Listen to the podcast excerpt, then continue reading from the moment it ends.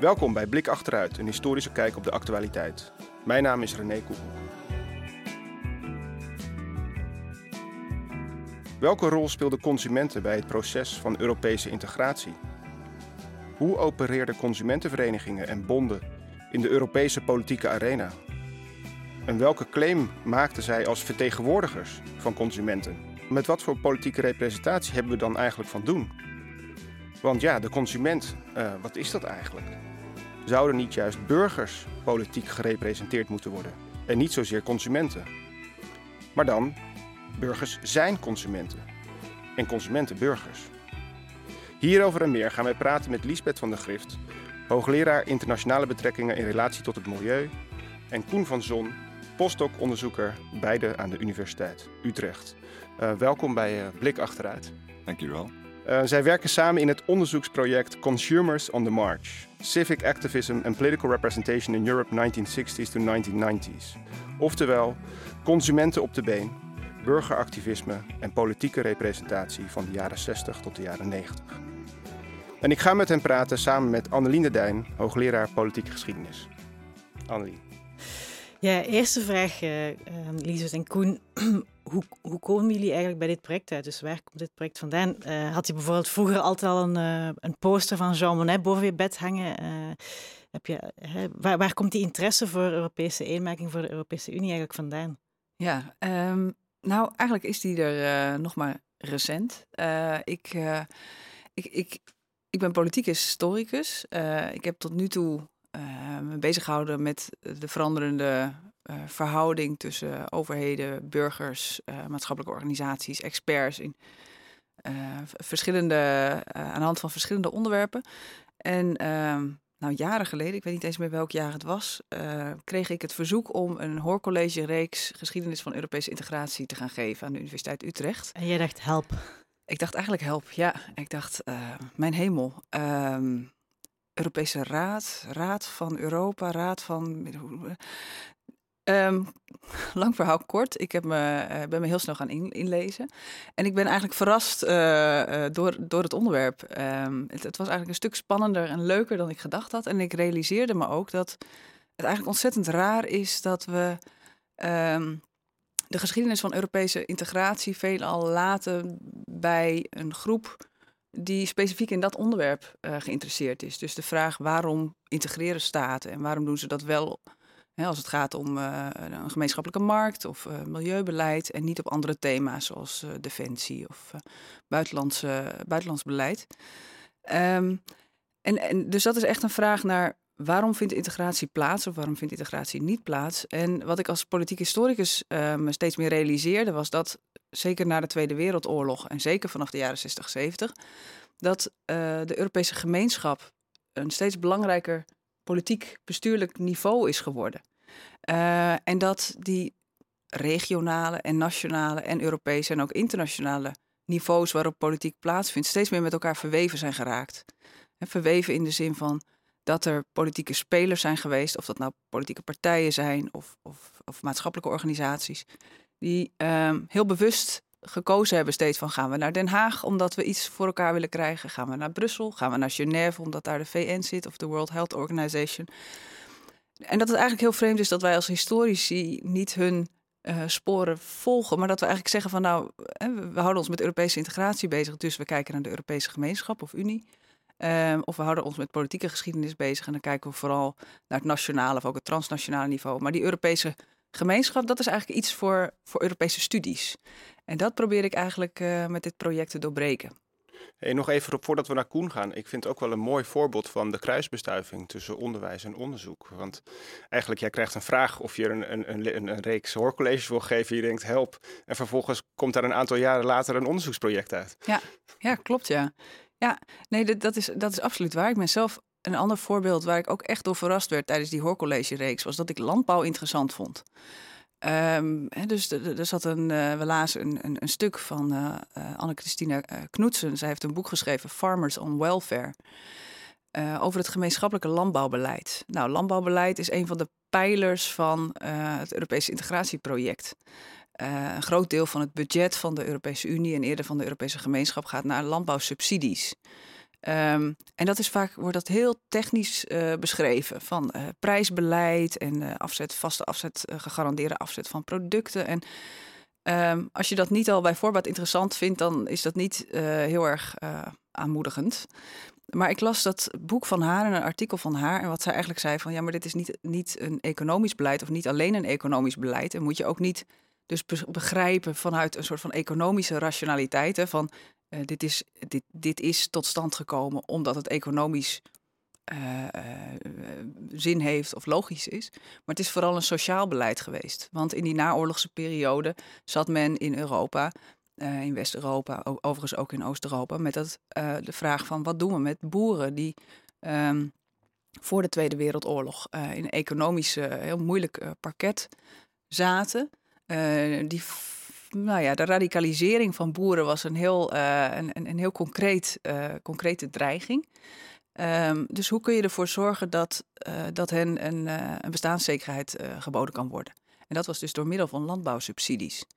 Um, verzorging, dus verzorging staat voor de, voor de ja, precies. landbouwsector. Ja, en, en dus de ontzettende, zeg maar, de, het politieke belang dat er aan zo'n groep als boeren toegekend werd in naoorlogs Europa en eigenlijk nog steeds.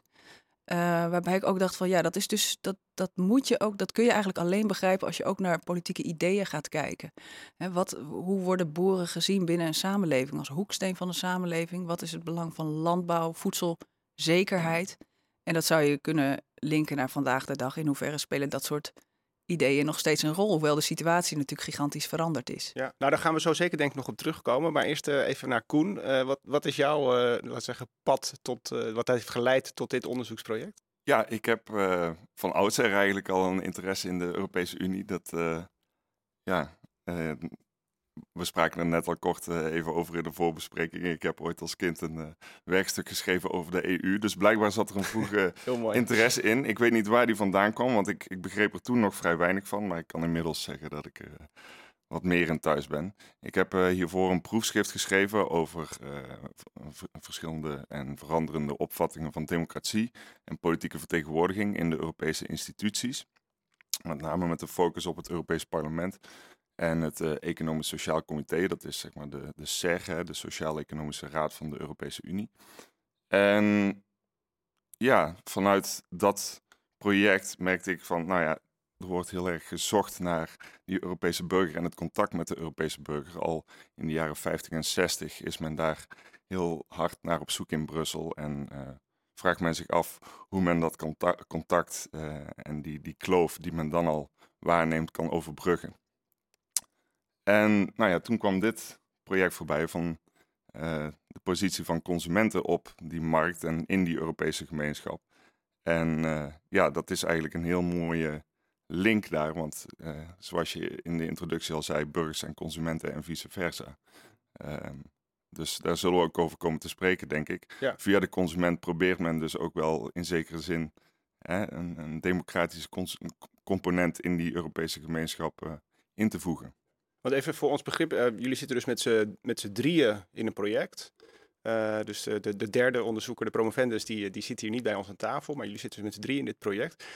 Lisbeth, misschien kun jij even een, een soort van groot, grote, grove schetsen um, even vertellen waar dat, waar het project over gaat. Ja, nou het project gaat over ja, de historische ontwikkeling van consumentenactivisme en consumentenvertegenwoordiging binnen de Europese gemeenschap. En wat het concreet betekent is dat. Uh, kijk, wat je ziet in de geschiedenis van die Europese gemeenschap is dat er uh, zeker vanaf de jaren 70, als uh, die mondialisering, uh, die verdere integratie van die markt plaatsvindt, maar ook als thema's als consumentenbescherming en milieu op de agenda komen, dat men zich realiseert in Brussel dat de ja, de, de belangenorganisaties die daar aan tafel zitten, namelijk met name industrie, landbouw, uh, vakbonden en werkgevers, um, dat, dat, niet, dat dat niet voldoende is of dat dat niet uh, representatief is voor hoe de, tussen aanhalingstekens, moderne samenleving uh, zich in die periode ontwikkelt. Um, en ook een, een, een, een, ontwikkeling waarbij het individu uh, centraler komt te staan dan collectieve eenheden als, als vakbonden. En, um, en ik was zelf erg benieuwd en ik ben naar Florence gegaan, waar het archief van de Europese uh, Unie ligt, om eens te kijken van nou, op het moment dat milieu dan op de agenda komt te staan, wie eigent zich dat eigenlijk toe? Um, en ik verwachtte op de een of andere manier dat dat milieuorganisaties zouden zijn. Um, maar wat ik zag was dat dat consumentenorganisaties waren. Terwijl milieuorganisaties eigenlijk nog uh, op straat ook stonden en minder geïnstitutionaliseerd waren. Waarmee ik bedoel dat ze dus minder uh, al meededen aan beleidsprocessen en aan tafel zaten. En maar nog meer van buitenaf eigenlijk invloed probeerden uit te oefenen op de politieke agenda en op uh, beleidsmakers. Maar dat die consumentenorganisaties zeiden van ja, kwaliteit van leven, als we dat belangrijk vinden, dat gaat over ons. dat is, dat, dat gaat, wij vertegenwoordigen individuele consumenten, wij vertegenwoordigen burgers, wij weten wat er bij hen speelt. Um, en natuurlijk is het belangrijk om daar meteen bij te zeggen dat we er niet van uitgaan dat ze, dat, dat ook het geval was. maar waar wij in, geïnteresseerd zijn is om te zien wat worden daarvoor uh, voor, voor claims neergelegd. En waarom lukt het die consumentenorganisaties op dat moment uh, om, uh, ja, om, om zich als vertegenwoordiger van die burger te presenteren? Ja.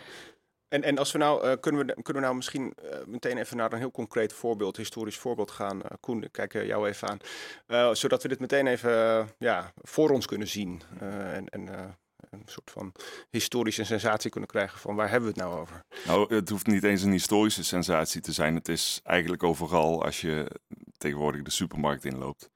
Um, dan, dan zit het op werkelijk elk product, zit die consumentenbescherming eigenlijk zichtbaar op de verpakking.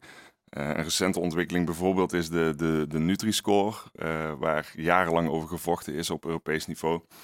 Wat is dat, een Nutri-score? De Nutri-score, inderdaad. Dus als je tegenwoordig op verpakkingen van voedingsmiddelen kijkt, dan zie je daar een, uh, een, een, een, kleurcode, dus van, van groen tot rood, A tot met E. En daarop wordt precies aangegeven hoe gezond dat product dan is. Nou ja, over die definities van wat dan geldt als gezond en wat niet, is jarenlang gevochten op Europees niveau.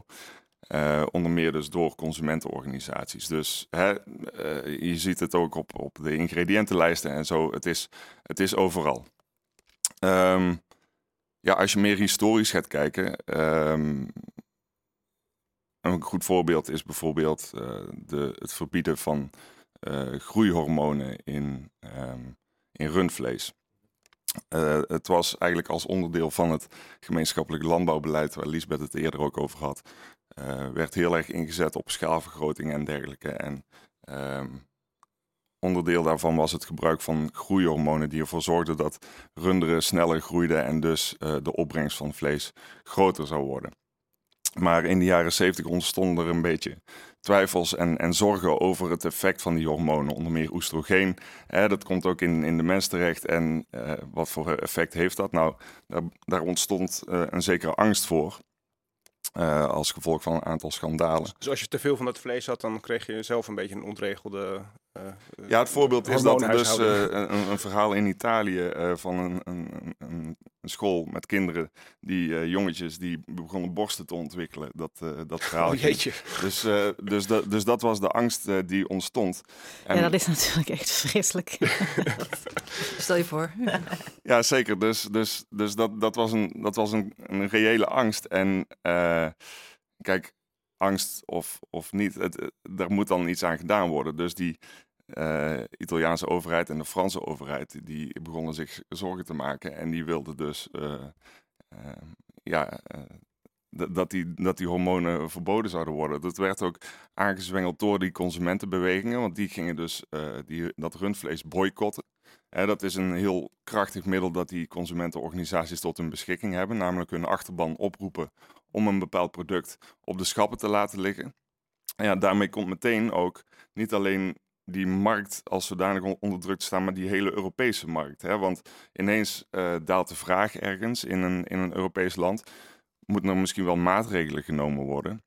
En als die overheden, nationale overheden, maatregelen nemen, dan ontstaat er ineens ook een, wat dan in technische termen een handelsbarrière heet. Hè? Dus uh, als er strenge uh, eisen ingesteld worden op die Europese markt, dan betekent dat dat andere landen hun, uh, hun producten ook minder gemakkelijk op die markt kwijt kunnen. En daarvoor is die Europese gemeenschappen natuurlijk om alles zoveel mogelijk gelijk te trekken, zodat die producten heel makkelijk over de grenzen kunnen.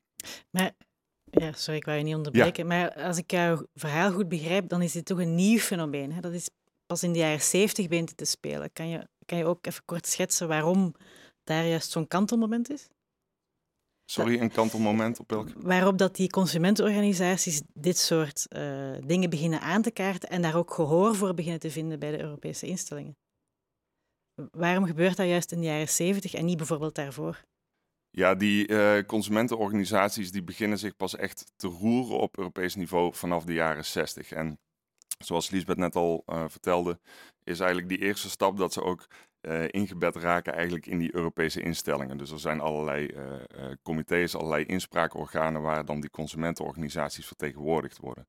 Maar die organisatie naar een echte Europese consumentenorganisatie, dat is op dat moment nog eigenlijk in volle gang. En je ziet in de jaren 70 en 80 dat dat, dat echt zijn beslag begint te krijgen. Um, en, en je moet zo'n consumenten, zo'n Europese consumentenorganisatie die wij dus bestuderen, moet je dus ook zien als een uh, een, een, koepelorganisatie. Dus je hebt in alle lidstaten heb je consumentenorganisaties. Die zijn op Europees niveau bij elkaar aangesloten in die Europese consumentenkoepel. En um, in het geval van zo'n boycott bijvoorbeeld, uh, die in Frankrijk en Italië begon, um, zie je dan dat die dus op een gegeven moment wordt overgenomen door die Europese consumentenkoepel. Dus dan heb je ineens een pan-Europese beweging. Uh, en dat is een, een ontwikkeling die echt in de jaren 70, uh, 80 uh, inderdaad gestalte krijgt. Ja, Liesbeth? Ja, ja, ik wilde er, ja, ik wilde er wel iets aan toevoegen. Want consumentenorganisaties uh, aan zich hebben natuurlijk een veel langere geschiedenis ook. Die verder teruggaat naar de 19e eeuw. En er zijn voorbeelden van boycotts die heel succesvol zijn geweest. Hè?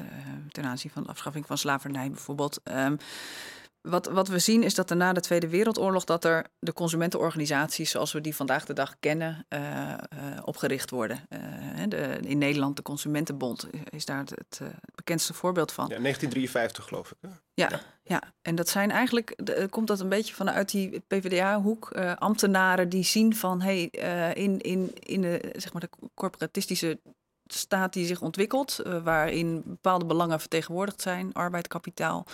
Uh, daar delft de consument het onderspit. En er is een bepaalde asymmetrie in de markt. de markt is op zich uh, niet iets om af te schaffen. Dus dat, maar er zit wel een asymmetrie in. En daar moeten we iets interveneren om, om, om dat wat recht te trekken. En, en met asymmetrie bedoel je dan informatie-asymmetrie? Hè? Dus dat, ja, dat, is, dat, dat, hangt af van de opvatting die ze hebben van het consumentenbelang. Dus je hebt hè, dus. dus um, uh, uitgangspunt is de consument staat altijd zwakker dan producenten. Hoe je dat dan vervolgens gaat rechttrekken, daar verschillen ook de consumentenorganisaties in verschillende landen uh, sterk in. Dus um, in Nederland is, uh, is, inderdaad de Consumentenbond sterk in gaan zetten op, op informatieverschaffing. Op hè, dat idee dat als je de, de consument inlicht hoe rationeel te verbruiken. Mhm. dat, dat, uh, ja. hè, dat, dat, dat, ja, dat je de consument dus kunt, kunt opleiden als het ware. En tegelijkertijd dat je producenten um, uh, op een gegeven moment ook verplicht om die informatie te verschaffen. Bijvoorbeeld, uh, Koen noemde de ingrediëntenlijst al, maar binnen de Europese gemeenschap ook het feit dat die dan in de taal van het land beschikbaar moet zijn, bijvoorbeeld. Er zijn zo ontzettend veel dingen die wij nu als vanzelfsprekend, uh, die wij vanzelfsprekend vinden, die in die periode totaal nog niet gereguleerd waren. Um, terwijl andere organisaties, zoals die in Frankrijk, veel sterker hebben ingezet op ja, meer activistische uh, actievormen. Uh, Zal ook niet zijn met die Nee, precies. Het is heel cliché. maar inderdaad, bedrijven uh, rechtszaken aanspannen tegen, tegen bedrijven. Ja, ja, ja. Ehm, en als ik dan nog heel eventjes mag terugkomen op die vraag die Annelien stelde... van wat je dan in de jaren zeventig eigenlijk ziet... is ook een, een, een samenkomst, een soort van synergie van verschillende ontwikkelingen... Um, Namelijk dus dat milieu- en consumentenbeleid dat, en, kwaliteit van leven komt op de politieke agenda te staan. Um, in de jaren zeventig gaat het uh, minder goed met Europese integratie. Hè. Er wordt het idee van, nou, er is sprake van eurosclerose. De integratie uh, die, die, die, die stokt. Europese beleidsmakers die zich echt realiseren van we moeten die kloof met burgers dichten. Hoe gaan we dat doen? Op twee manieren. Eén is uh, door beleid te ontwikkelen dat meer tegemoet komt aan de wensen die mensen hebben en de zorgen die mensen ook hebben. Dus milieubeleid, consumentenbeleid.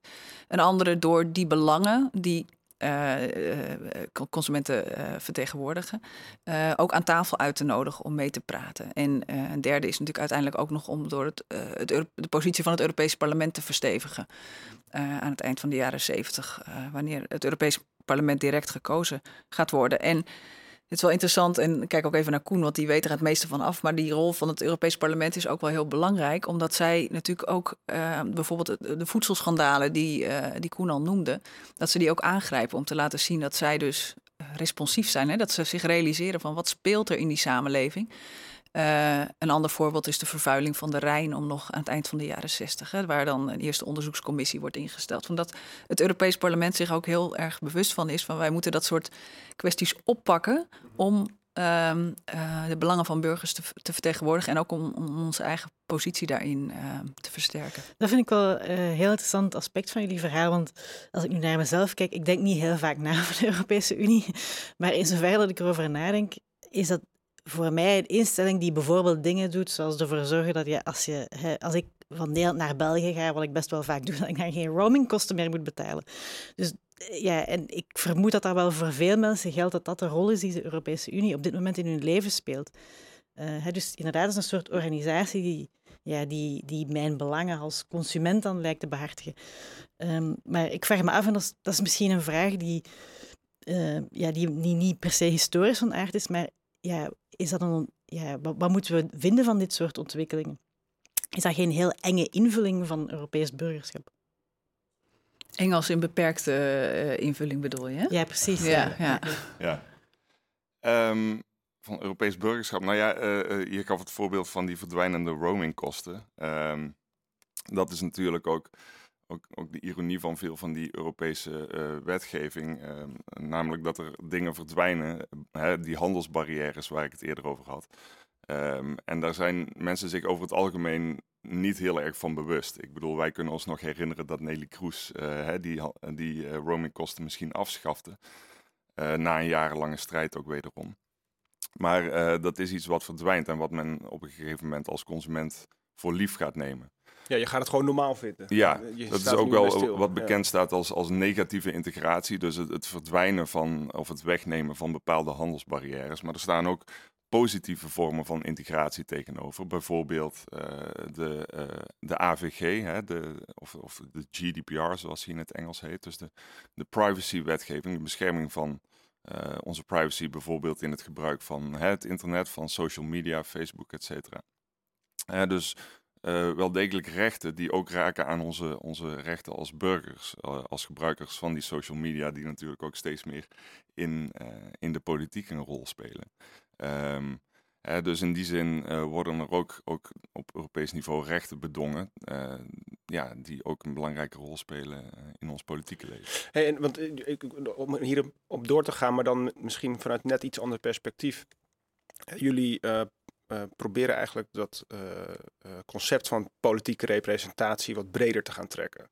dus een soort van klassieke idee van politieke representatie is dat je jouw vertegenwoordigers kiest. Die komen dan in het Europees parlement of in je eigen nationale parlement. En dat is echt een soort van de klassieke vorm van politieke representatie.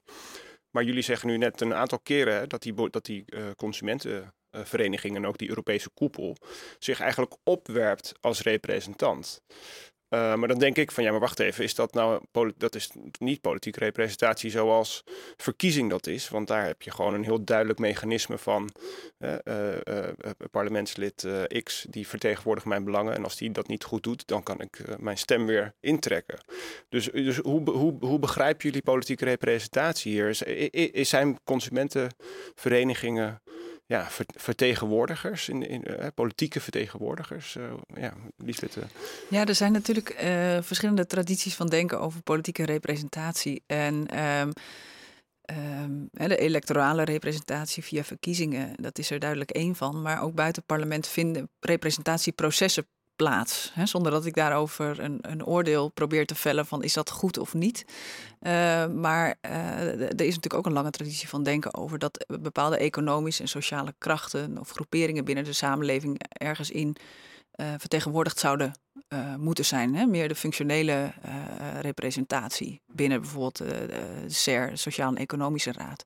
Ja, of de vakbond of zo. precieze vakbonden. Ehm, en dat is iets wat je vanaf het begin af aan ook binnen dat Europese project, je ziet dat dat, dat dat daar onderdeel van gaat uitmaken. Op het moment dat Sikko Mansholt ehm, landbouwcommissaris is, dan, dan neemt hij eigenlijk ook dat Nederlandse voorbeeld en zegt van ja, we moeten dus ook niet alleen boerenorganisaties, maar ook uh, consumentenorganisaties aan tafel uitnodigen. Dat is dan Sikkel Mansholt, uh, is landbouwcommissaris in de jaren 60. Of... Ja, precies. Ja, precies, ja, ja, precies. Op het moment dat het landbouwbeleid ontwikkeld wordt. Ja, ja, ja, helder. Ja, klopt. En um, nou, de vraag die Annelien uh, net ook stelde: van, is dat dan niet een enge op, opvatting van burgerschap? Um, daar wil ik wel een paar dingen over zeggen. Van één is um, dat het wat ons vooral interesseert is dus niet zozeer te zeggen van uh, vertegenwoordigen zij nou ook daadwerkelijk, hè, vertegenwoordigen consumentenorganisaties consumenten of vertegenwoordigen vakbonden nou echt arbeiders. Um, even los van of je die vraag ook echt kunt beantwoorden. Wat we eigenlijk proberen te doen is te laten zien van dat is een dynamisch proces voortdurend waarin een claim wordt neergelegd. Um, van wij, wij representeren iets uh, en die claim die wordt vervolgens of door de achterban of door anderen uh, bestreden of, of geaccepteerd. En waarom is dat zo en waarom is het zo dat dat in de jaren 60 ontzettend moeilijk is en in de jaren 70 iets makkelijker wordt en uh, als de gekke koeienziekte uitbreekt nog een stuk makkelijker, om een voorbeeld ehm, te noemen. En dat bedoel je ook met die, wat, wat jullie hadden net ook over van consumentenverenigingen die eigenen zich een bepaalde problematiek toe. Hè? Dus bijvoorbeeld in ja. jaar, wat jullie net schetsten van uh, in, de, in de jaren 50, 60 waren die milieuorganisaties eigenlijk nog niet zo sterk vertegenwoordigd in de Europese instituties. Hè, om, ze zaten nog niet aan tafel waar het echt om ging. Maar de Consumentenbond wel. Dus die was daar blijkbaar goed in. Maar die eigende zich dus eigenlijk een soort van die rol toe. Is dat wat jullie ook bedoelen met, met, met dat maken van zo'n claim? Of? Ja, je ziet dat er via uh, taalvertogen, uh, gesprekken, bijvoorbeeld die binnen dat Economisch en Sociaal Comité gevoerd worden, daar zitten verschillende groeperingen. Er zitten vakbonden, uh, er zitten werkgevers en daar zit dan een, een, een, derde groep en daar zit van alles eigenlijk. winkeliers, consumentenorganisaties. En um, je ziet dat daar binnen die, die derde groep, dat daar op een gegeven moment in de jaren zeventig echt dat idee ontstaat van ja, maar wacht even, dit, nu is onze tijd aangebroken. Hè? Nu, uh, nu zijn wij, wij die individuele uh, burgers uh, vertegenwoordigen en niet langer een, een vakbond. Wij, wij moeten ons die, dat nieuw, die nieuwe manier van denken en praten toe-eigenen. En taal is volgens mij belangrijk. Dus op het moment dat. Um, dat, dat, dat soort van heersend paradigma of een heersend idee van wat, wat is een samenleving eigenlijk? En hoe is een samenleving uh, samengesteld? Waar bestaat die uit? Bestaat die uit arbeiders en werkgevers of bestaat die uit individuele burgers? Uh, dat bepaalt het speelveld. Dus op het moment dat dat idee van een moderne samenleving bestaat uit individuele burgers meer gemeengoed wordt in binnen Europese instituties en er op zo'n manier over gepraat wordt, dat betekent dus dat het voor bepaalde organisaties makkelijker is die, die hebben dan een, een betere uitgangspositie um, uh, dan andere organisaties. Dus. Um, zie je dat, Koen, zie je dat ook, ook in jouw, eh, jouw onderzoek terug? Dat, dat, dat maken van die claim van wij vertegenwoordigen hiermee uh, uh, de Europese burger? Zeker, ja. En, en ook verschuivingen daarin. Hè. Dus um, uh, natuurlijk zijn consumentenorganisaties uh, een van de eerste organisaties die die claim neerleggen van wij vertegenwoordigen, hè, de, nou ja, zeker in die jaren 50, 60, de huisvrouw zeg maar, die de boodschappen doet. Um, maar uh, natuurlijk komen daar ook op een gegeven moment bedrijven die zeggen, nou ja, maar wij hebben consumentenonderzoek gedaan. Wij weten wat de consument wil. Wij kunnen inspelen op die vraag. Um, wij vertegenwoordigen consumenten even goed. Um, en, en zelfs, um, kijk, er ontstaat dan een hele belangenstrijd natuurlijk. Want bijvoorbeeld in die vroege periode ja, gaat het bijvoorbeeld veel over de prijs als het gaat over het landbouwbeleid. Kijk, de, de lage prijzen voor de consument zijn eigenlijk ook de lage inkomsten voor de boer of de lage inkomsten voor de, voor de arbeiders. Dus in die zin staan consumentenorganisaties ook weer op gespannen voet met die boerenorganisaties, met vakbonden uh, en ook weer met die bedrijven. Um, maar zoals Lisbeth ook net zegt, uh, in de jaren zeventig zie je dat toch ook wel een klein beetje verschuiven en gaan vakbonden ook wel inzien dat uh, die arbeiders die aan de ene kant inderdaad niet willen dat de prijzen van producten te laag zijn, omdat ze anders te weinig inkomsten hebben. Ja, die arbeiders zijn zelf ook weer consumenten. Um, en, en, dus hebben zij ook een zekere rol in het vertegenwoordigen van consumentenbelangen. Wel, um, ja, Um, een, vraag die ik ook had uh, toen ik uh, naar jullie projectwebsite aan het kijken was, was in hoeverre heeft deze hele ontwikkeling iets te maken met, en nu ga ik een woord gebruiken waar sommige mensen heel boos maar de opkomst van neoliberalisme. Want het viel me wel op dat jullie daar gewoon niks over zeggen, terwijl als iemand die, die niet heel erg thuis is in dit onderwerp, dacht ik wel duidelijk van, oh ja, dit ligt mooi in het verlengde van het verhaal over de jaren zeventig, opkomst van neoliberale samenleving. En inderdaad, uh, dus een, soort van afkeren van het idee van uh, het politieke spel wordt beheerst. Of, of de deelnemers aan het politieke spel zijn mensen uh, die daar aan meedoen op basis van hun, van hun positie in het productieproces. Hè, klassieke socialistische uitgangspunt of, of heel ideologisch, hè, vanuit bepaalde religieuze overtuigingen. En een verschuiving naar een, een opvatting van politiek als iets dat een overheid die individuele burgers bedient. Uh, en ja, dus, dus waar, ja, in hoeverre past jullie onderzoek in dat, in dat verhaal over de opkomst van neoliberalisme? En, of hebben jullie bewust uh, ervoor gekozen om die term niet te gebruiken? Nou, die term gebruiken we wel degelijk, uh, want dat speelt natuurlijk wel degelijk een rol. de vraag is natuurlijk allereerst als vanouds welke definitie van neoliberalisme hanteer je nu eigenlijk? Um, ik weet dat jullie eerdere aflevering ook... Uh, um, Marijn Oudams en uh, Naomi Woltering Precies. Hadden, ja. Onze collega's van het neoliberalisme project hier in Utrecht uh, te gast hebben gehad. En hun definitie van neoliberalisme, en die onderschrijf ik in die zin wel, is... Um, niet zozeer het, het, het, totaal ongemoeid laten van van de markt, uh, maar juist het vormgeven van uh, de markt en het stimuleren in die zin van marktwerking in allerlei sectoren.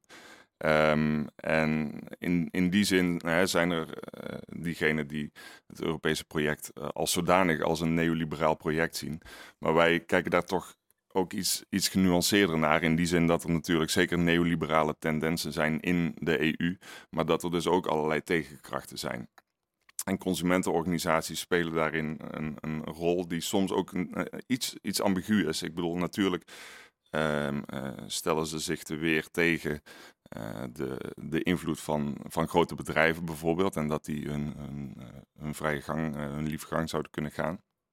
Um, maar er, er zijn ook elementen in dat, dat het bevorderen van marktwerking ook ten behoeve van consumenten kan zijn. Uh, als het gaat om bijvoorbeeld concurrentiebevordering. Uh, ja, het idee is dat dat de prijs omlaag drijft en dat consumenten daar uiteindelijk van uh, zullen ehm, profiteren. Hetzelfde voor, voor informatievoorziening bijvoorbeeld. Hè, dat informatievoorziening aan consumenten, dus bijvoorbeeld die ingrediëntenlijst op verpakkingen dat kan gezien worden als een vorm van bescherming, maar het kan ook gezien worden als een vorm van het uniformeren van die markt. Dus het gelijktrekken van alle voorwaarden die op die verschillende Europese markten gelden. En daarmee uh, het gemakkelijkere verkeer uh, van producten over die grenzen heen. Uh, dus dus um, ja, in die zin is, uh, kun je niet zeggen van ze zijn neoliberaal of niet. Um, uh, maar ja. kan je daar echt niet, want alle voorbeelden die jij geeft, zou ik zeggen, ondersteunen juist wel het idee dat die consumentenrevolutie past binnen het, het bredere plaatje van de opkomst van het neoliberalisme en, en de benadering van burgers als individuele consumenten eerder dan als, als producenten of als mensen die in een ideologische beweging vastzitten. Ja, het is absoluut waar dat die consumentenbewegingen zich heel expliciet als apolitiek uh, uh, presenteren. En, en, um, Verdacht. en um, het marktproject als zodanig toejuichen. Hè? Dus, dus marktintegratie is goed voor consumenten. En dat zit eigenlijk vanaf het begin af aan al in. Van dat op het moment dat uh, dat, dat handelsbarrières, grenzen wegvallen en uh, dat dus de keuzevrijheid toeneemt van producten waartoe uh, de consument beschikking heeft. dat de prijzen zullen dalen. Um, dus dus dat, dat, dat zit er absoluut in. En um, ik heb ook wel eens met nou ja, mensen binnen consumentenorganisaties gesproken die ook zeggen van nou wij zijn eigenlijk wel een van de meest pro-Europese belangenorganisaties geweest. Precies van deze, om deze reden. Hè, dat uh, dat ze zich echt met dat, dat marktintegratieproject uh, verbonden voelen. Dus dat, dat is absoluut waar. En tegelijkertijd is het wel belangrijk om te zien dat ze, ehm, ehm, dat ze ook wel degelijk uh, mede ervoor gezorgd hebben dat er allerlei beperkingen en verplichtingen aan producenten zijn opgelegd. Dus is eventjes de vraag van wanneer is iets nog. Hè, als je, je kunt eigenlijk bij heel veel dingen zeggen van ja, dit wordt gedaan uh, om de markt uh, te bewaken. Hè, om te zorgen dat de markt. Hè, want dit, dit is nu, lood in benzine bijvoorbeeld, is nu, wordt nu door zoveel mensen als zo'n groot probleem gezien dat er wel iets aan gedaan moet worden. Want anders dan wordt het nog een probleem voor de markt ook. Stel je voor dat al die mensen de straat op gaan. En um, dus kun je eigenlijk heel veel kun je binnen dat neoliberalisme uh, concept scharen. Uh, tegelijkertijd is het dus, je kunt ook zeggen van ja, zij hebben wel een belangrijke rol gespeeld in het, um, in het, dus, uh, in het opleggen van verplichtingen aan, aan, aan producenten. Um, hè, bijvoorbeeld, um, nou Koen, je hebt ook onderzoek gedaan naar de, de ramp in Seveso in Italië, die geleid heeft tot uh, tot, tot regelgeving met betrekking tot transport hè, van, uh, van, van giftig afval. Dus allerlei. Hè, als, als, als zij daar niet waren geweest en anderen die, zoals het Europese parlement, die dat gewild hadden, dan, dan waren producenten daar niet in meegegaan. Ehm, Nee, maar het is natuurlijk, ja, niemand uh, gaat zeggen dat het een slecht idee is dat we nu regulering hebben en dat er geen schandalen meer kunnen voorkomen, zoals bijvoorbeeld ook de, met de softenondbabies. Mm -hmm. um, maar de vraag die ik mij toch stel, zeker uit jullie verhaal begrijp ik ook dat de Europese instellingen um, eigenlijk enthousiast waren over de opkomst van die consumentenbewegingen, omdat zij daar zelf bij konden aanhaken. Hè, in de context van die legitimatiecrisis waar Lisbeth het net over had. Uh, dus uh, eurosclerose, oké, hadden een aantal uh, mensen binnen de Europese instellingen ineens het idee van wij kunnen hierop aanhaken en onze rol als Europese Unie is misschien het verdedigen van consumenten. Um, maar ja, als je er vanuit dat perspectief naar kijkt, dan vraag ik mij toch af of dit geen ja, tendens is geweest die we in zekere zin kunnen betreuren. Want opnieuw is het toch een heel... Ik word niet heel enthousiast over de afschaffing van roamingkosten ik ben daar blij om. Allee, begrijp me niet verkeerd. Hè. Ik betaal ook niet graag meer dan nodig is. Maar dat is niet iets waar ik s'nachts van wakker lig. Terwijl ik lig s'nachts wel wakker van uh, een heleboel andere dingen die, ja, die, mij, die mij dieper raken dan, dan, dan, ja, dan mijn rol als consument. Ja, misschien. Ja, ik wil hem toch eventjes intrappen met het feit dat uh, op dit moment de klimaattop plaatsvindt in Glasgow, waar de Europese Unie natuurlijk wel een belangrijke uh, rol speelt als uh, toch voorloper van ambitieus klimaatbeleid ten opzichte van andere. Dus, um, laat wel zien, denk ik, dat er ook een andere kant van die Europese Unie is. Hè? Bijvoorbeeld de, de, strenge milieustandaarden, die, en, en misschien nog niet streng genoeg, hè? wil je daar nog meer, maar. Um, het feit dat, dat die in, binnen de Europese Unie bestaan, laat wel zien dat er ook een andere kant is. En ik, ik, ik vind het lastig om het het ja, toch wel geavanceerde milieubeleid dat er binnen de Europese Unie bestaat, puur als een neoliberaal project te zien. Dat, dat, daar zou ik wel moeite uh, mee hebben. En tegelijkertijd, ik ben het helemaal met jou eens. En dit is ook eigenlijk uh, wel een startpunt geweest van mijn project met die roaming fees. Dat ik, ik, ik, herinner me dat de Europese Commissie zo ontzettend ja, kinderlijk blij was haast om aan te kondigen van mensen, de roaming fees zijn afgeschaft. En ik dacht van, oh, zij denken echt dat, dat, dat, dat burgers hierdoor de Europese Unie leuk gaan vinden. En wat een beperkte opvatting is dit. En, en nou ja, om dan even ook een wat meer technische term uh, erin te gooien. Dat gaat dus heel erg uit van zo'n idee van uh, output-legitimiteit. Dus als je goed beleid maakt, beleid waar mensen blij mee zijn, dan worden ze ook blij met dat hele Europese project. En dan vinden ze dat ook democratisch legitiem. De andere kant is uh, dat je zegt van legitimiteit komt voort uit, hè, dus draagvlak voor, voor de Europese Unie, uh, door input. Doordat er verschillende, hè, dat, dat, dat er van alles opgehaald wordt, om maar even een verschrikkelijke hedendaagse term uh, te gebruiken. Dus wie mag er meepraten in het beleidsproces? En dan hoeft er niet eens de uitkomst uh, gelijk te zijn met datgene wat verschillende organisaties of mensen die meepraten uh, erin hebben gestoken. Maar als ze zien dat daar een proces heeft plaatsgevonden van overleg en afweging van belangen, uh, dat ze geneigd zijn om, uh, om dat eerder toe te stemmen of als legitiem te zien. En daar zit natuurlijk een heel duidelijk eh, spanningsveld dat we in het project ook uh, proberen te ja, echt willen onderzoeken ook. Dus opnieuw, zonder dat wij ons daar zelf direct over uitspreken van we zijn hier voorstander van of niet. Om wel te kijken van wat zijn nou de verwachtingen geweest vanaf de jaren 60, 70 die daaraan werden toegekend. Aan dat idee van, en wij richten op ons consumentenorganisaties, maar later zijn dat natuurlijk allerlei andere organisaties die ook uh, meer mee zijn gaan praten. Van de verwachting van als je nou zorgt dat de Europese gemeenschap, dat die beleidsprocessen uh, relatief open zijn. Dus dat allerlei actoren, allerlei uh, organisaties daar mogen meepraten, ze mogen advies geven, ze mogen hun, hun mening geven. Um, dat dat het democratisch tekort, wat wel degelijk geconstateerd wordt, en in, zoals Koen in zijn proefschrift heeft laten zien, eigenlijk al vanaf de jaren 50, de verwachting dat dat tekort daarmee gecompenseerd kan worden. En wat wij dan doen is te kijken van, nou, wat, wat, wat gebeurt er dan op het moment dat dat op die manier wordt ingericht? En komen die verwachtingen die zij hebben, dus niet de verwachtingen die wij hebben, maar die toen bestonden, komen die ook uit? En dan zien we dat uh, bijvoorbeeld de consumentenorganisaties tegen problemen aanlopen. Want um, ze willen zowel een vertegenwoordigende rol vervullen, dus hun achterban, het geluid van hun achterban laten horen. Um, maar tegelijkertijd voor die Europese beleidsprocessen heb je ontzettend veel technische kennis en expertise nodig. En bovendien kost het ontzettend veel tijd. Dus je ziet dat het uh, heel lastig is om die twee uh, rollen met elkaar uh, te combineren. En je ziet natuurlijk ook dat verschillende organisaties die aanschuiven, en opnieuw niet alleen consumentenorganisaties, maar ook milieuorganisaties. En dit kunnen we doortrekken naar vandaag de dag. Dat die heel verschillend zijn. Dat um, sommigen een interne ledendemocratie hebben. Dat er ook echt, denk aan, aan de FNV bijvoorbeeld. Uh, daar wordt uh, een, een, besluit voorgelegd aan de achterban, die daarmee moet instemmen. Um, een organisatie als de ANWB heeft zo'n ledenraadpleging niet, maar zit daar nog steeds wel aan tafel als vertegenwoordiger, als de grootste belangenorganisatie in Nederland, want de meeste leden. Maar, hier, maar, hier, komen we ook een beetje terug op, op dat verbreden van politieke representatie waar we het, waar we het eerder over hadden, wat jullie uh, beogen in jullie project. je, je kan natuurlijk zeggen van het, het, klassieke verhaal over de, de democratisering van de EU en de voorlopers is nou ja, het versterking van het parlement, uh, Europese, Europese verkiezingen. Dat was natuurlijk lang het verhaal van hè, op die manier wordt de EU democratischer.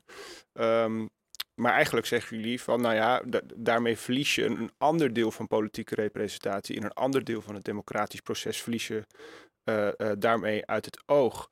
Um, maar toch blijf ik wel moeite houden met van, is dat dan een proces van democratisering? Uh, het, het, al die vakbonden, de ANWB, de, de, al die verenigingen en organisaties die aanschuiven aan tafel omdat daar toch een, uh, niet een heel duidelijk verantwoordingsmechanisme aan zit. Hè, want ik bedoel, ik ben bijvoorbeeld, uh, ik zal het maar gewoon eerlijk zeggen, ik ben lid van de Consumentenbond. Echt? Oh, dan ben je maar, de eerste persoon van onze generatie die ik ben tegengekomen. Nou ja, ik moet zeggen, het is ook wel een beetje een confessie. Want ik, als ik vind het zelf ook een beetje kleinburgerlijk of zo. Hè, van, dan krijg je weer zo'n zo'n zo'n testuitslag binnen van, van wasmachines. En dan denk ik weer van, god, in godsnaam, waarom ben ik eigenlijk hier lid van? Maar goed, um, maar ik, ik kan me zo voorstellen dat hè, op het moment dat um, uh, de Consumentenbond verantwoording moet afleggen, dan doen ze dat aan hun eigen leden en niet aan de Nederlandse bevolking als geheel. En daar zit toch een, ook een, een, een soort van democratische mismatch. Uh, en zelfs de mate waarin ze verantwoording afleggen aan hun leden is in die zin beperkt natuurlijk. Want als jij de consumentengids op de deurmat krijgt, dan staat er niet uitgebreid uh, in uh, een verslag uh, wordt er niet uitgebreid verslag in gedaan van wat voor onderhandelingen op Europees niveau op dit moment gaande zijn. Nee, en, eerder wat de beste televisie zijn. Precies, precies. ja. Dus in die zin inderdaad is de, is de rol die, die organisaties spelen ja, ambigu en in die zin spreken wij ook niet zozeer over democratisering, maar kijken wij meer ook, ook wederom naar die claims die worden neergelegd door die organisaties. Hè? Dus die organisaties zelf, die verwerven zich een rol in dat Europese beleidsproces door te claimen dat zij consumenten vertegenwoordigen. En dat zijn er natuurlijk honderden miljoenen op dit moment. Dus daarmee hebben ze een heel sterke claim en worden ze ook heel serieus genomen uh, in die Europese instellingen. Um, nou ja, en ik kan me zo voorstellen, zij hebben natuurlijk wel een bepaalde expertise, die ik noem maar wat, Europese parlementariërs missen. He, dus als het bijvoorbeeld gaat over uh, hoe zorgen we ervoor dat, dat de medicijnen die op de markt zijn in Europa uh, uh, goed zijn en getest zijn. En daar heb je dus een Europees medicijnenagentschap voor. Nou, ik ben blij dat zij dat doen, want de gemiddelde Europarlementariër die snapt de ballen daarvan. En die zal, die zal mij hè, als, als, als burger ook, die gewoon medicijnen nodig heeft, zal, daar, zal mij daar niet in, goed in kunnen vertegenwoordigen. Ja, dat, dat is waar, maar daar, daar kom je wel ook op een interessante spanning terecht, namelijk die tussen spanning of uh, tussen uh, expertise en vertegenwoordiging. Want uh, uiteindelijk is bijvoorbeeld die Europese consumentenorganisatie wel een, een, belangrijke speler in dat Europese krachtenveld, maar hun staf is in die zin ook niet zo uitgebreid dat ze op elk detailniveau kunnen meepraten en dat ze soms dus ook worden uitgenodigd uh, en dat is een strategie die, die, die wel eens wordt toegepast ook door de Europese Commissie om, om partijen uit te nodigen uh, op basis van uh, expertise. Dus te zeggen van nou, jullie zijn experts op dit gebied en niet in de zin van jullie vertegenwoordigen consumenten. Dus je ziet dat op die, op die manier ook, ook een, een, technocratische invulling wordt gegeven aan die beleidsprocessen en, en, en wat minder een politieke. Mm -hmm. Zou ik je, ja, ja um, ik vind het wel belangrijk om even te noemen dat we hebben het uitgebreid over consumentenorganisaties, maar dat uh, we zitten met een situatie waarin uh, uh, belangenorganisaties een belangrijke rol spelen in de politiek. Dus dat is eigenlijk ons uitgangspunt. Hè. Dat, is zo, dat heeft zich zo ontwikkeld binnen de Europese gemeenschap. Is eigenlijk een heel open ehm, ja, model, besluitvormingsmodel, waar veel verschillende spelers kunnen, experts, belangenorganisaties kunnen mee praten. Maar je ziet het natuurlijk op nationaal niveau net zo goed, hè, dat milieuorganisaties, uh, wetenschappers, et cetera, um, met beleid uh, daarover meepraten. Dus ons uitgangspunt is eigenlijk ook van uh, hoe is dat zo gekomen? Wat zijn dus die verwachtingen geweest die daaraan werden gekoppeld? Um, ik vind het interessant om, om te kijken naar welke regels zijn daarvoor vastgesteld. En daar zie je op verschillende niveaus ook grote, uh, grote verschillen. Hè. Dus um, binnen de Europese Unie is het bijvoorbeeld zo dat heel veel verschillende organisaties mogen meepraten. Maar in tegenstelling tot de Verenigde Naties is het minder vastgelegd van wat zijn, wat zijn de criteria of de eisen waaraan je moet voldoen. En er zijn ook wel politicologen die bijvoorbeeld zeggen van nou, je zou, moeten, je zou bepaalde eisen aan die organisaties moeten uh, stellen. Van op het moment dat we vinden dat dit naast electorale representatie, um, dat dit een, uh, een, belangrijke vorm is, omdat we bepaalde geluiden te horen krijgen of bepaalde expertise of informatie krijgen die we anders uh, niet, zouden, uh, niet zouden horen. Dan moeten daar wel bepaalde regels voor vast worden gelegd, namelijk dat, ehm, dat er bijvoorbeeld intern sprake is van voor bepaalde democratische structuren. Ik denk aan, aan Greenpeace. Um, organisatie als, als Greenpeace is natuurlijk een ja, een professionele protestorganisatie met donateurs, maar niet zozeer met leden. Nou, de Consumentenbond heeft dan nog wel leden bijvoorbeeld. Um, dus, het, dus is ook, het is ook, ik, ik zit ook te denken aan die analyse van, uh, van Tocqueville uit de 19e eeuw, waarin hij eigenlijk zegt van hè, de, de atomisering van burgers zorgt dat burgers eigenlijk op zichzelf genomen dus ook te zwak zijn om bepaalde tegenmachten te kunnen vormen tegen de overheid. Zoals bij wijze van spreken edelen in de 19e eeuw of in de 18e eeuw dat wel konden. Hè, simpelweg omdat ze gewoon een bepaald uh, vermogen hadden en, en land en, en, en, en, werknemers, et cetera. En een soort van geatomiseerde samenleving van individuele burgers, als die niet zich bundelen ja. in bepaalde verenigingen of organisaties zullen ze nooit een bepaalde politieke kracht ontwikkelen waarmee ze, ja, laten we zeggen, invloed kunnen uitoefenen op, uh, ja, op, op, op bestuur en beleid. Ja. Ja, en, en ik vind het ook nog wel belangrijk om, om erbij te noemen dat uh, we hebben het nu vooral over de Europese gemeenschap en over meer uh, de, het liberale, de liberale opvatting van het consumentenbelang. Maar dat er ook binnen die consumentenbeweging wel echt verschillende opvattingen daarover bestaan. Hè? Dus dat je ook een consumentenbelang hebt dat veel meer gedefinieerd wordt, wordt als een, uh, de, de, consument niet zozeer als klant, maar als burger die niet alleen rechten heeft, maar ook bepaalde plichten ten opzichte van het milieu, ten opzichte van producenten en consumenten in andere delen van de wereld. Misschien is dat als, als we komen een beetje aan het eind van het gesprek, misschien is dat wel een mooi laatste punt. Eh, want eh, die verenigingen en, en, bonden, die consumentenverenigingen en bonden, die maken dus claims. En die geven dus ook invulling aan van wat de belangen van consumenten eigenlijk zijn. Um, maar ik heb wel de indruk dat hè, wat precies die consument is en wat precies de belangen van die consument zijn, ook door de tijd heen zijn veranderd. Ik zie jou knikken, Koen. Kun je, kun je daar uh, toelichting op geven? Ja, uh, sowieso. Kijk, um, uh, die claims, um, ja, die lopen uiteen afhankelijk van welke organisatie zich namens hen opwerpt. Dus consumentenorganisaties op Europees niveau zie je dat die zich met name uh, inzetten voor ja, wat je zou kunnen noemen de kwetsbare consument. Hè? De consument die kwetsbaar staat tegenover de macht van grote bedrijven, uh, van internationale handelstromen. Uh, ook van kwesties als milieuvervuiling en dergelijke. Um, je ziet dat daar bijvoorbeeld tegenover bedrijven uh, een idee stellen van wat dan ook wel de soevereine consument wordt genoemd. Hè? Dus uh, de consument die bijvoorbeeld eh, geabonneerd is op de consumentengids en zich elke keer heel goed inleest voordat hij een product koopt, precies weet wat de juiste keuze is.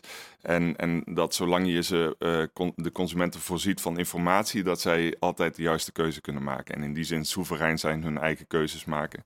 En dus ook um, ja, in die zin zelf de vormgevers zijn van die markt, hè, door het spel tussen vraag en aanbod.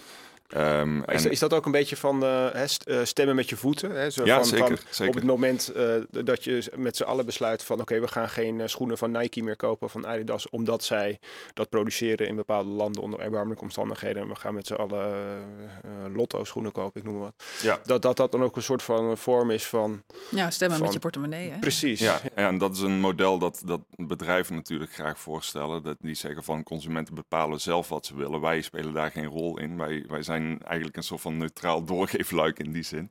Um, ja, en dat is een model dat, dat uh, toch ook wel, zeker in de jaren 80 en 90, uh, toch wel ook wat meer, meer tractie krijgt. Um, maar uh, er staan ook weer andere uh, opvattingen tegenover. Als je bijvoorbeeld uh, het voorbeeld van het landbouwbeleid neemt en, en voedsel in de Europese Unie. Kijk, zoals Elisabeth al zei, na de Tweede Wereldoorlog is er natuurlijk zijn er grote voedseltekorten. En is het idee achter dat landbouwbeleid ook dat er gewoon een stabiele voedselvoorziening moet zijn. Uh, maar naarmate dat bereikt wordt en er zelfs dus overschotten ontstaan, hè, de, de beruchte boterbergen en, en uh, melkmeren, uh, hoe, hoe, worden ze allemaal genoemd? Ja, um, ontstaan er ook andere prioriteiten, namelijk ten aanzien van de veiligheid. en als je bijvoorbeeld, hè, daar, daar hebben we bijvoorbeeld ook de Europese Voedsel- en Voedselautoriteit aan te danken. als gevolg van die, die gekke koeienziekte, de, de BSE-crisis van de jaren negentig.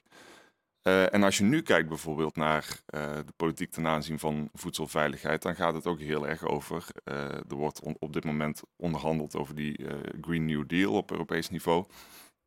en daarin staat de zogeheten um, farm to fork uh, strategie uh, centraal.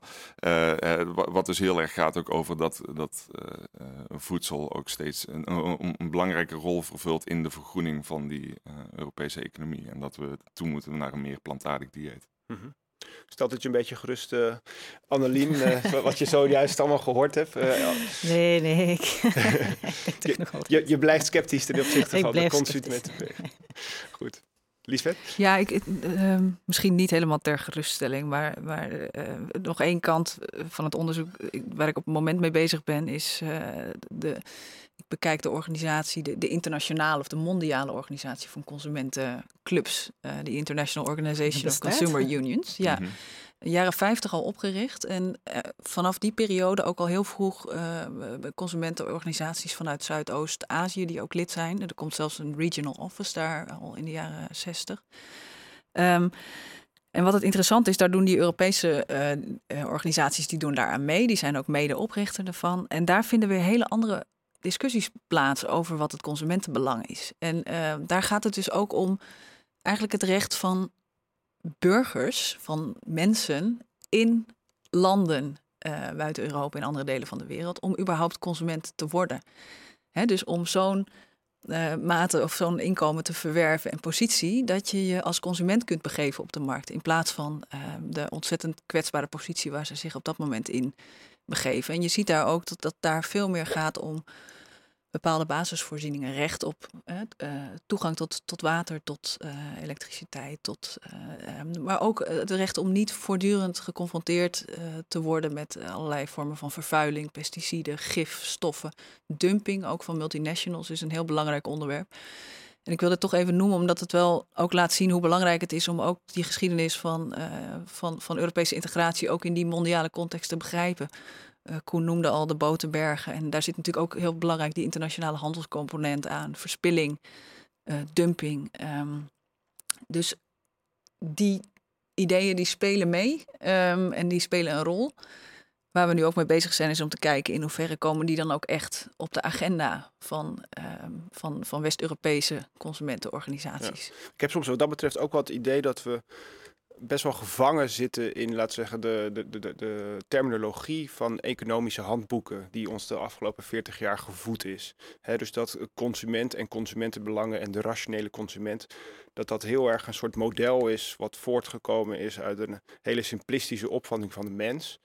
Um, maar ook um, hè, bijvoorbeeld dat uh, in die economische handboeken vaak wordt gesproken over van ja, wat is nou uh, als een bedrijf uh, een product maakt, wat zijn dan de externalities, noemen ze dat. Mm -hmm. Zo'n zo, zo heel ja, inhoudsloos woord. Um, en dat ook bijvoorbeeld studenten die ik wel spreek, die dan ook zeggen van ja, met, met, deze, met deze terminologie kunnen we eigenlijk helemaal niet meer uit de voeten. Want als een van de externalities van een bedrijf de vernietiging van de aarde is, ja, wat, wat voor extra, ja. wat is dit externality? Dat is een soort ja. woordje. Zeker. En, en ook met consument denk ik wel eens van, ja, de, de, manier waarop we denken over wat een consument is, is ons ook aangereikt door een hele simplistische opvatting van, van economie en uh, ja, de, de, de, context waarin dat plaatsvindt. Ja, ja dat, ik vind dit project ook een voortdurende confrontatie daarmee. Hè? Want uh, op het moment dat je uh, milieu bijvoorbeeld een belangrijk thema vindt en je gaat je op milieuorganisaties richten, dan is dat, ja, die, die zijn heroïs. Die gaan met kleine, met dinky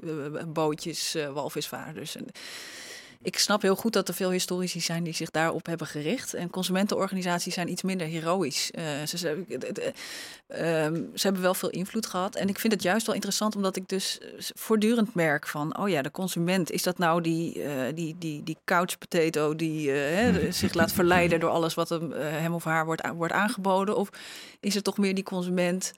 Uh, waar ik het net over had. Die, uh, die, die, die in een, een, een, een, echt een kwetsbare sociaal-economische positie verkeert. En uh, wanneer, wanneer wordt het consumentenbelang gekoppeld aan andere kwesties, zoals het milieu? En, en wat ik eigenlijk wel interessant vind, had ik vorige week ineens een soort van ingeving. Ik dacht van ja, die consumentenorganisaties die hebben dus wel vanaf het begin af aan uh, milieukwesties gekoppeld aan het consumentenbelang. Dus eigenlijk in die zin, uh, wat we nu zien, van dat je dat dus niet daar los van moet maken, van die sociaal-economische dimensie. Uh, maar dat je dat steeds mee moet nemen van wat betekent het voor de consument dat we een transitie door moeten maken richting een duurzame samenleving.